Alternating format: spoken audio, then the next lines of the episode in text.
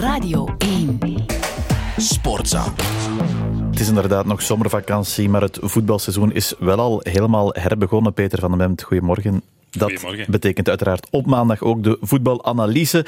En eh, Club Brugge die won van KV Kortrijk, eh, maar eh, toch ging het gistermiddag maar over één iemand, Hans van Aken. Ik zie hem denk ik op heel wat voorpagina's staan.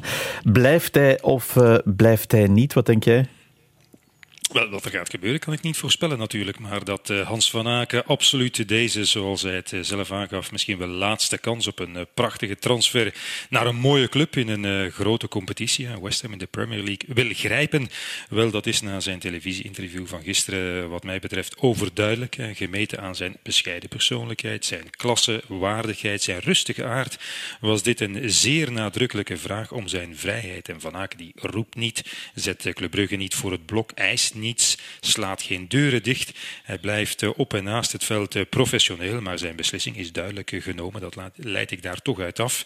En daar gaat zo'n door de club georchestreerde, georchestreerd doorzichtig charme-offensief als dat van gisteren met een aan de fans aangeboden, overigens heel prachtige tifo, niets aan veranderen. Van Aken weet hoezeer hij geliefd is bij de Club Brugge-fans, hoe groot het respect voor hem is. Het is daarom ook dat hij zeven jaar lang zijn allerbeste voetbaljaren aan eh, Club Brugge heeft gegeven. En hij weet ook dat al die fans willen dat hij blijft. Maar hij weet evengoed dat er denk ik niet één Club Brugge-fan is die het hem zou kwalijk nemen als hij deze mooie kans eh, grijpt. Als hij naar de Premier League wil, dat begrijpen die fans ook wel natuurlijk precies. Wegens zijn grote verdiensten voor Club Brugge en de respectvolle manier waarop hij zich in deze situatie gedraagt. Ja, het zal niet zonder slag of stoot zijn, hè, Peter, want eh, voor Club Brugge is een transfer onbespreekbaar, want Hans van Aken is onvervangbaar, zo zeggen ze. Ja, wel, dat slaat natuurlijk nergens op. En, eh Club Brugge mag dan nog van geluk spreken dat Van Aak eh, publiek eh, niet dezelfde stugheid toont. Hè. Of je zat ineens met een vervelend openlijk conflict. En, en Club Brugge doet ook transfers van spelers die voor hun club dan voor de prijs die Club Brugge wil bieden onbespreekbaar zijn. Of spelers die onvervangbaar zijn voor die club. Ik zal Nielsen van Union dit seizoen nog maar noemen. Ja, en die worden ook gerealiseerd, die transfers. Dat is nu eenmaal het, het voetbal.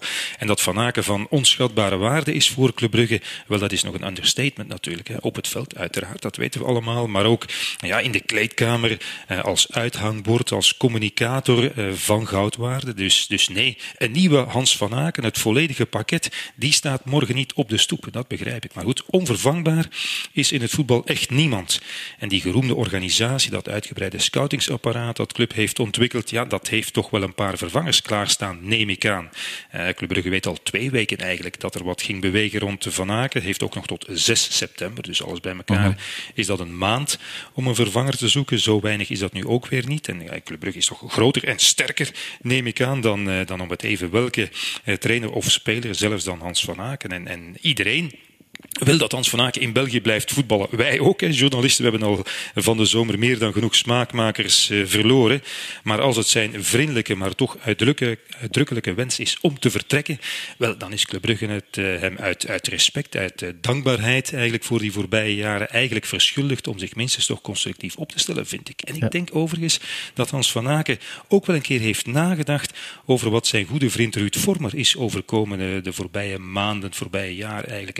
Eigenlijk ook jaarlang boegbeeld, aanvoerder, uithangbord eh, van Club Brugge. Maar als de club oordeelt dat het voorbij is, ja, dan kennen ze ook geen genade. Zo werkt dat nu eenmaal in het voetbal. En misschien heeft dat Hans van Aken tot een andere redenering aangezet dan een paar jaar geleden, toen West Ham ook al een keer op eh, zijn stoep stond. Met andere woorden, Peter, onbespreekbaar, dat is een stukje te relativeren. Ja, denk ik. We zien.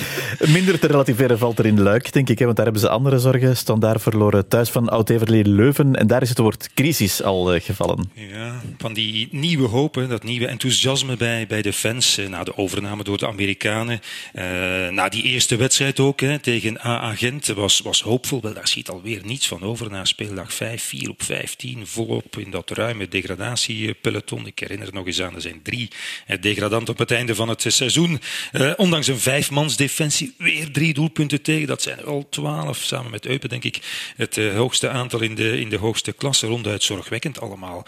En, en het goede, of ik moet eigenlijk misschien zeggen het slechte nieuws, is dat de spelers overlopen van inzet en goede wil. De eerste helft gisteren tegen, tegen Leuven, ja, dat was echt voor standaard. Op gretigheid, op enthousiasme. Maar zoals die wat mij betreft prima coach Ronnie Deila terecht zei. Ja, hopeloos in de twee rechthoeken. Defensieve drama. Renaud Aymon, de spits als verpersoonlijking van de offensieve onmacht. Zoveel onbeholpenheid, voordoel, gebrek aan kwaliteit. En, en de spirit, wat ik zei, is eigenlijk echt wel voorbeeldig bij Standaard. Maar tegelijk las ik dat er van de week toch ook al een, een eh, spelersmeeting is eh, geweest. Op vraag van de ervaren spelers in de kleedkamer. Omdat ze zich ergeren aan het gedrag van Raska en Amala. Twee bepalende spelers voor Standaard die weg willen.